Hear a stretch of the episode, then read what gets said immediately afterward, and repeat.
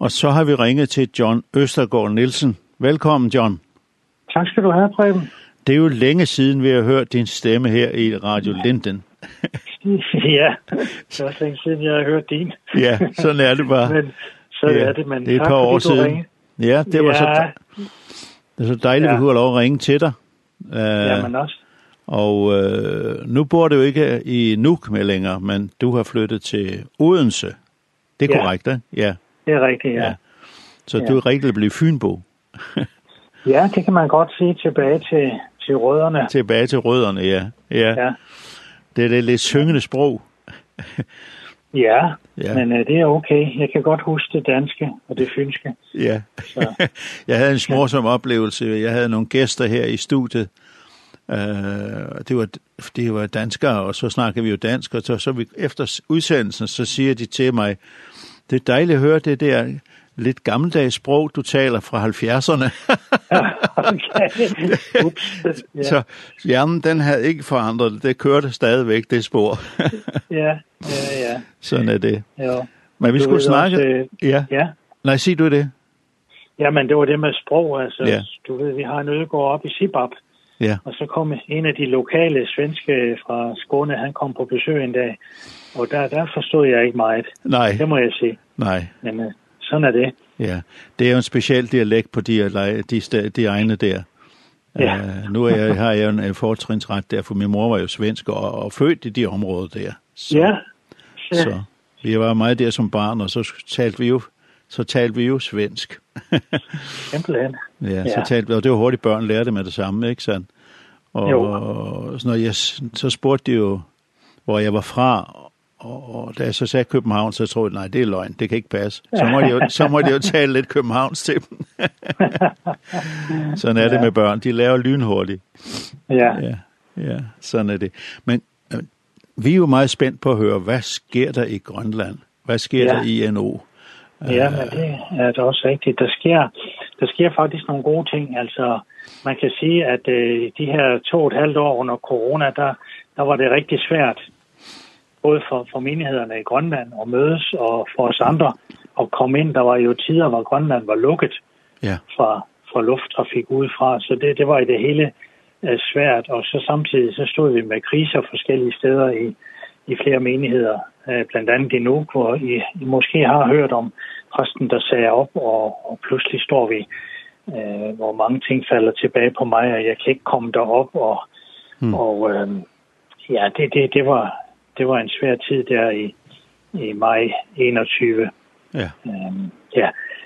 Men øh, siden da, så er det jo lykkedes at, at komme til Grønland og mødes både med menigheden i Nuuk og få, få noget i værk der. Altså, så der er kommet en ny menighedsledelse. Der er ikke kommet en ny præst, desværre. Så der er stadig et, et hul, kan man sige, og en mangel. Men så har den nye menighedsledelse, de har ligesom måttet steppe lidt op og så tage nogle nogle opgaver på sig. Mm -hmm. Og så prøver vi på den måde. Og så har jeg også sammen med andre haft mulighed for at besøge nu, både med undervisning og forkyndelse. Og, øh, og, og, og det, har, det har gået, kan man sige, ikke super godt, men det går fremad. Ja. Øh, og der var en, en splittelse af menigheden, og flere af, af dem, som brød ud af menigheden, har nu kommet tilbage til vores menighed, har meldt sig tilbage og har fortrudt øh, det, de gjorde i forbindelse med det. Ehm ja. Så der, der har været mange bolde i luften, kan man sige, ja. og, og, og nu er noget af det landet godt igen. Det er jo flot, de kommer tilbage og siger, det her det var, det var en fejltagelse, det må man sige. Ja, ja. Eh og så, så, så er det jo selve processen så ligesom for, for menigheden at modtage de folk igen. Det, det er også kompliceret. Det er det, ja. Ehm Så der, der er mange ting i det, som gør, at øh, der stadigvæk er mange bolde i luften, og, og nu skal jeg Jeg skal til Nuuk den øh, 3. oktober, 3. til 17. oktober, ja. og, og på gense menigheden. Og øh, det, som er i det, det er jo, at Brian Vind fra Manitsuk, som har stået med en tjeneste, en landstækkende tjeneste i mange år, og med i Inus ledelse, han, han er flyttet til Nuuk. Øh, hans kone fik arbejde på hospitalet i Nuuk, og Brian flyttede med. Øh, man har sagt, at han ikke ønsker at være præst, men han vil gerne hjælpe med i menigheden. Så det, det har også været en, en styrkelse af arbejdet, tror jeg. Ja. Så, så det er nogle gode ting. Det er gode ting, ja.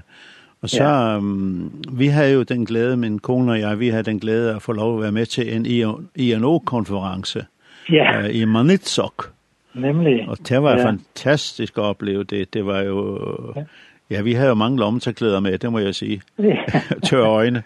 Uh, og opleve den frihed og glæde, i ja. at, at få lov til at, at, at følge Herren, få lov til at sige, jeg er, jeg, jeg, Jesus er dem, jeg vil følge. Det, altså, det var så åbenbart, at de mennesker, ja. den livsglæde, der var i Kristus, som mm. man måske ikke møder så mange andre. Man møder det ikke i Danmark, heller ikke på færøerne. Altså, Nej. Hvor, hvor man udtrykker ja. rigtig glæde. Spontanitet, ja. ja. ja. Det er rigtigt. Der er forskel. Der er der er heldigvis kulturforskelle også, og det er jo en af dem, tror jeg, i det kirkelige liv. Øhm, Og måske også fordi kirken er så ung yeah. i, i Grønland i forhold til blandt andet på færøerne. Der er jo ikke nogen lang tradition, i hvert fald ikke for det frikirkelige. Nej. Og, og, og det har man jo så på en eller anden måde taget et eller andet præg med sig ind. Så der er, der er meget liv og glæde i den grønlandske frikirke. Det har været mere. Så jeg efterlyste lidt, da jeg var til konference. Jeg spurgte sådan flere gange, sig mig, er det her en enoforsamling? Og så kom der lidt flag, og så kom der lidt, øh, lidt huderåb for salen, og der, der kom lidt mere liv. Men ja. det er klart, to, to år med corona, det sætter sit præg, ja, og det gør så var det. det godt så var det godt at være sammen igen. Selvfølgelig en mindre forsamling, men her i 20. 24. juni var det så i Ilulissat, hvor der så primært var folk fra Nordgrønland. Øhm, og der var Dokumekker og Klungak fra Kranak, som som du har hørt om før, men ja. med hunden, ikke også? Ja, nemlig. Ja, og... iPhone, og, og, iPhone. iPhone, yes. Ja. Og øh, omkring 20 ledere fra kysten, og så en 20-30 deltagere fra andre byer. Lidt mindre end der plejer jo. Så en 80-90 mennesker til aftenmøderne. Så det var sådan en, en lille konference. Ja. Men, øh, men det var godt at være sammen igen som lederskab og fordrøfte mange ting. Nu er der mange af lytterne, der ikke har hørt historien om iPhone. Jeg, kunne du ikke lige bruge et par minutter på det? Jamen, det kan jeg godt. Altså, det ligger tilbage i 2015, hvor, hvor vi øh, som ledere kommer til en konference, og så skal vi have det første ledermøde, sådan lige for at få sat konferencen op og få pushet tingene af.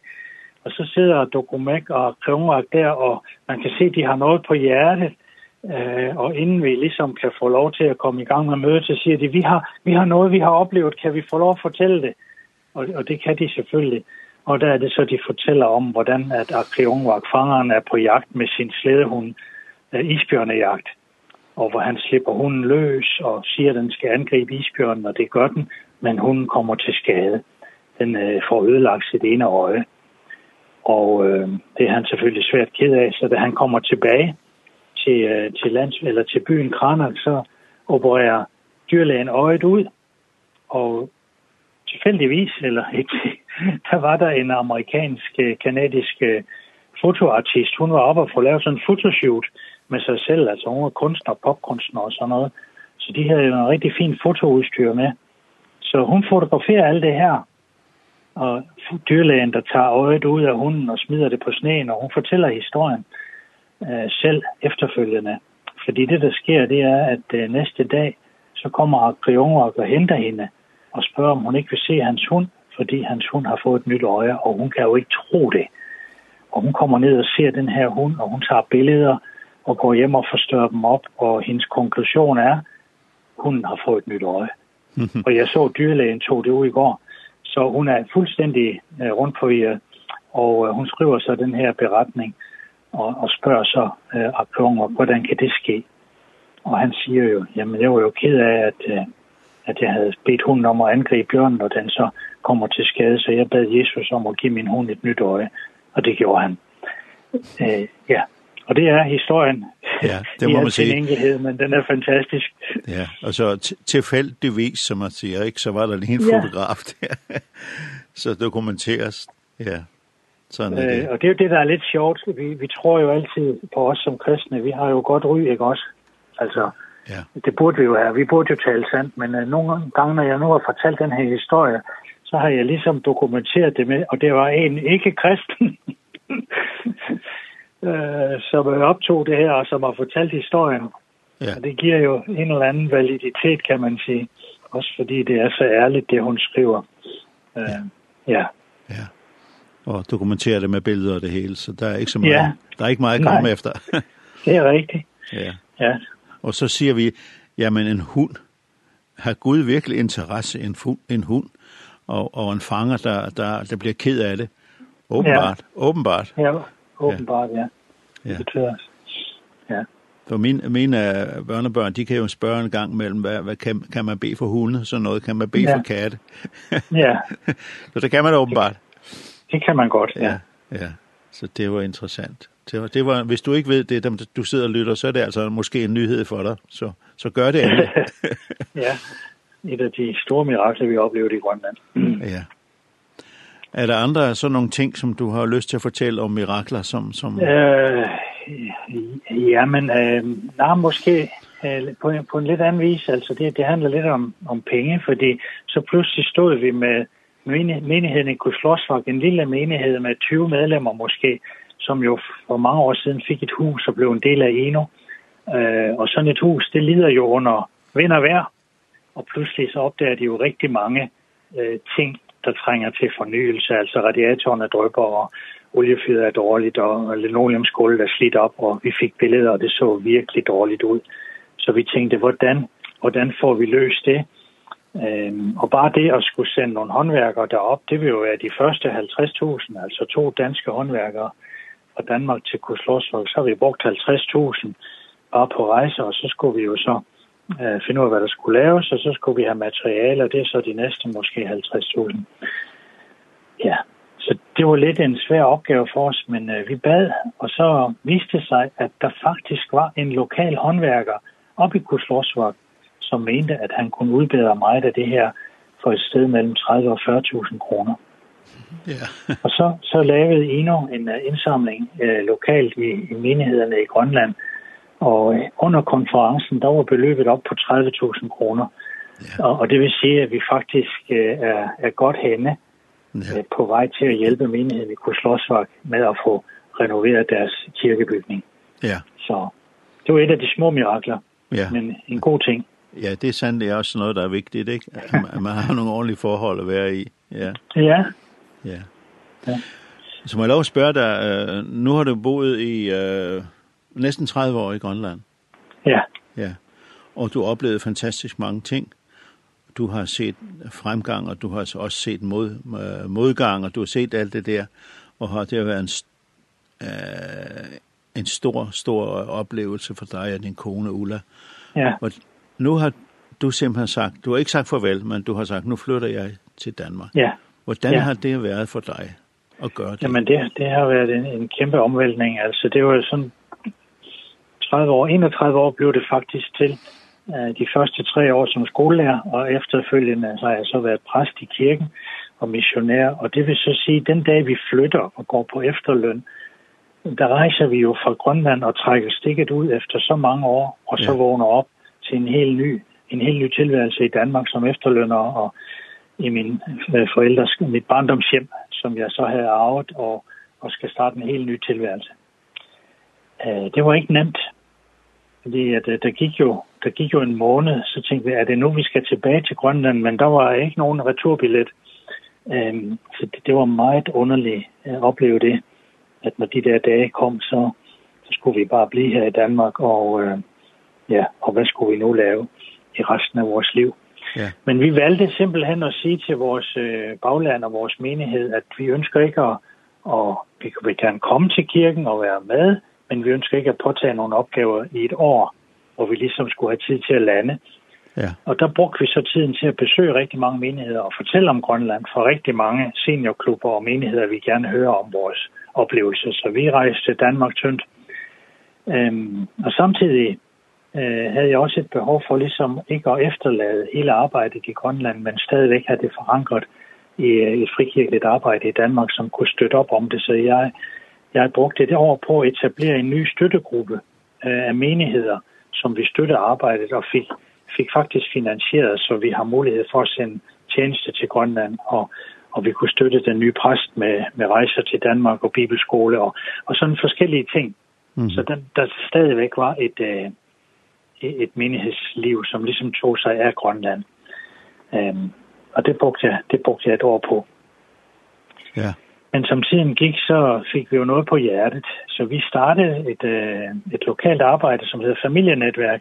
Og det er noget, som Blå Kors Danmark laver, og så i samarbejde med rigtig mange danske frikirker øh, og enkelte folkekirker.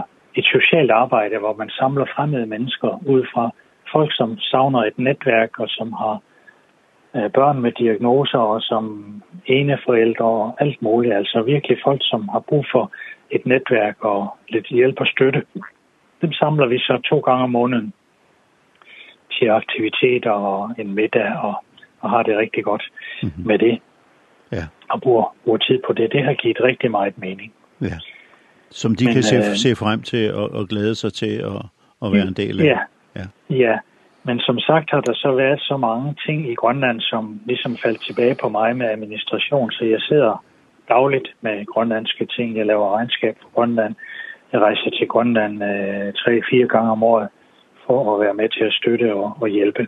Ja. Så det fylder rigtig meget. Jeg er stadigvæk med i Inos ledelse og sidder med online-møder med Svend Ola Osblom og Brian og, og Nina øh, Jølund, øh, hvor vi så i hvert fald en gang om måneden har har fælles møder og, og drøfter ting, som har med Grønland at gøre. Ja. Så det er det. Er det. Man ja. slipper ikke Grønland. Øhm, Nej. Men, men Preben, jeg vil gerne fortælle lidt om den åndelige verden. Det har ja. jeg brugt rigtig meget tid på i Grønland. at opleve den åndelige verden, og så da jeg kom tilbage til Danmark, og flere gange blev bedt om at prædike i vores kirke, så har jeg så talt om den åndelige verden ud fra det koncept, at den åndelige verden er mere virkelig end den virkelige verden. Og Og øh, det er noget, vi har svært ved at forstå, men vi har, vi har været så tæt på mange ting i Grønland, så vi har fået en helt ny dimension ind i vores, vores kristenliv omkring den åndelige verden. Og øh, nu her, øh, for tre uger siden, så stod min datter, Hanne, som du kender. Ja. Hun var med på turen til Manitok i den lille båd. Ja, nemlig. ja. Den farlige tur. hun, skulle, hun skulle op med en veninde og besøge sit øh, fødeland. Altså hun er jo født i Grønland, og det var fem år siden, hun havde været hjemme, skrev hun på Facebook, så nu skulle hun op og vise veninden Grønland, at de skulle bo i kirken. Fire dage før de ankommer, så har der været herværk på kirken med graffiti og, og store, grimme bogstaver med dødstrusler, og hun skulle blive skåret i småstykker, og øh, præsten, hendes far John og, og så videre, og, og det var rigtig, rigtig slemt.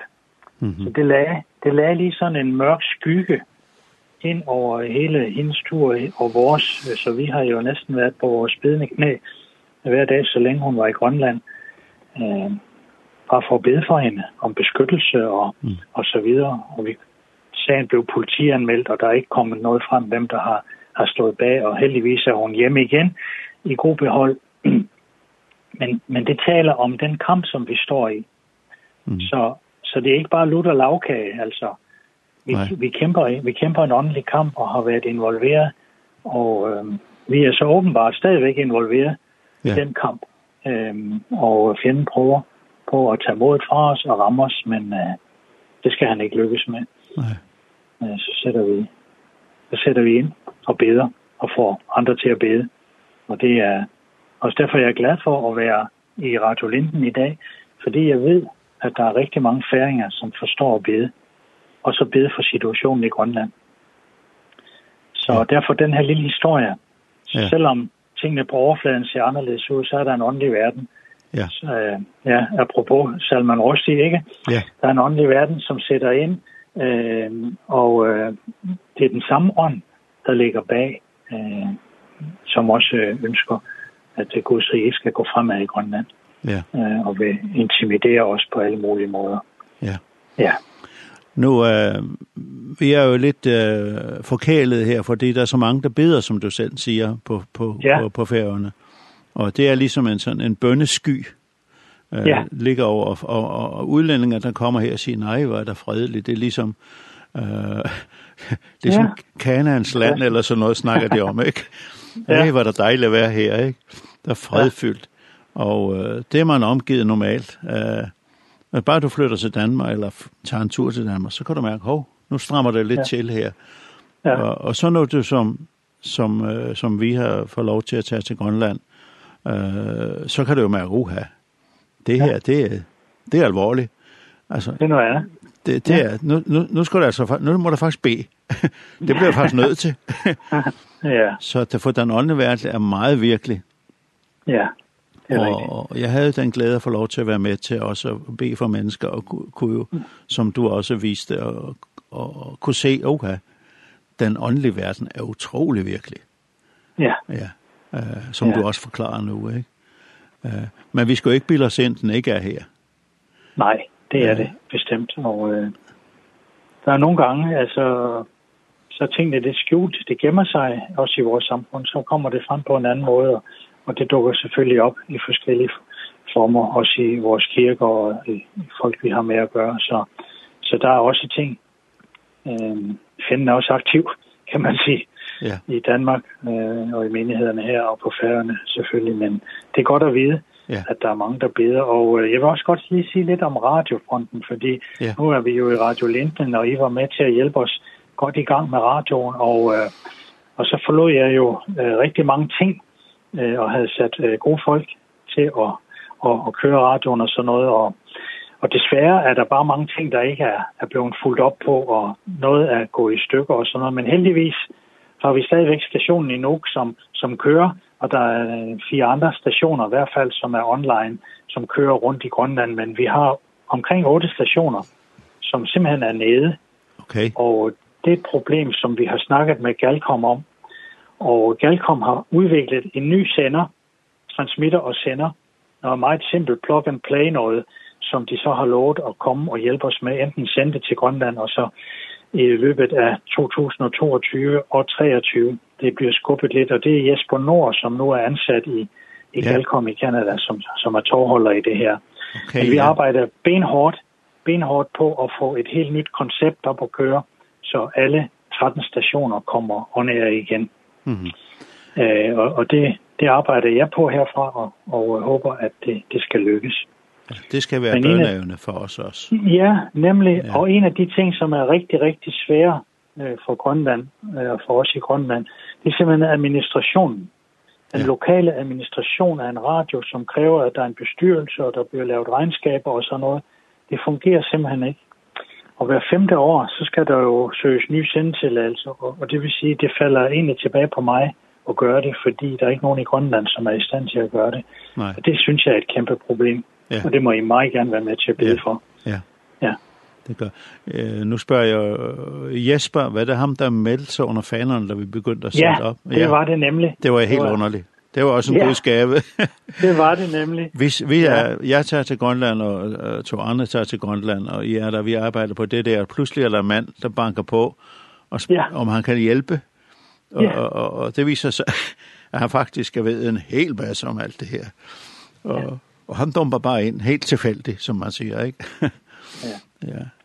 Så det lyder spændende. Der styrer netværket og styrer computerne og, og og, og, og gør det hele, styrer radiostream, det sidder han og, og styrer fra Canada. Ja. Så, så ja. Fantastisk. Så vi er blevet velsignet med rigtig meget øh, i forhold til den radio. Og det er også derfor, at øh, jeg tænker, at vi skal give det et skud mere. Og, og det er folk i Inokirken i Grønland, de er, de er enige, i hvert fald når der er konferencer, så vil de meget gerne.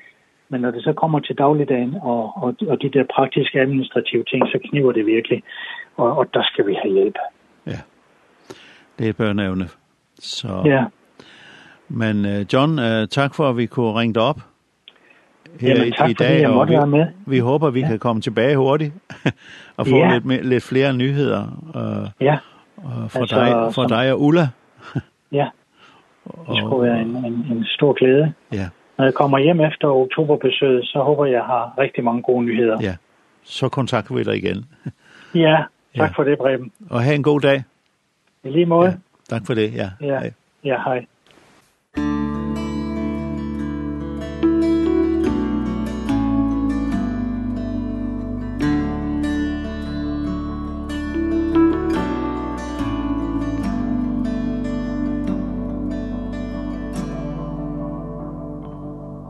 Tag det inderste, det bitterste Det jeg ikke selv kan give mit hjerte Fyld mig med dine ånd Tag det yderste, det sydeste Det jeg gerne selv vil se. Rens mit hjerte, fyld mig med din ånd Rens mit hjerte, fyld mig med din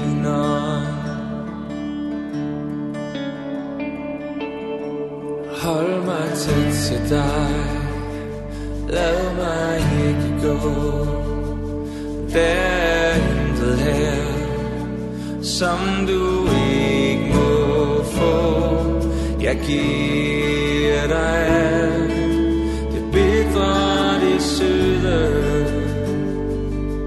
Du er heldig, du er god, du er nær. Du er heldig du er god, du er her.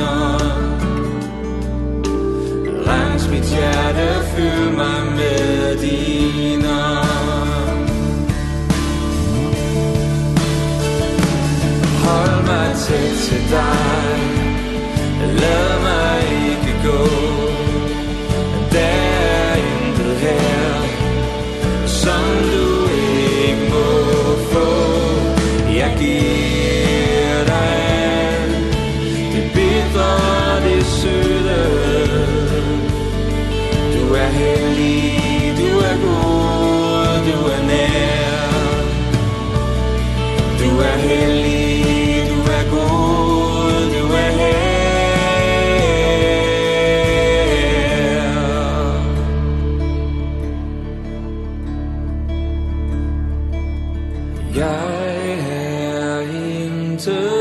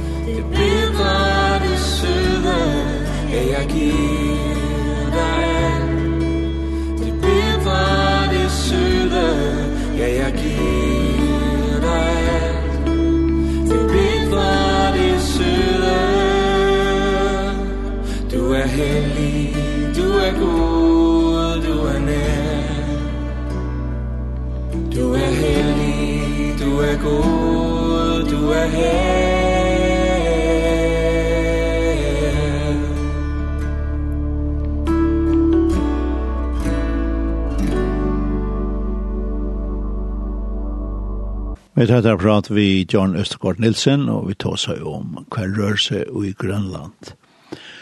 Og så spalte vi lære til det innerste at her er Maja Fjords frikirke som framførte det her.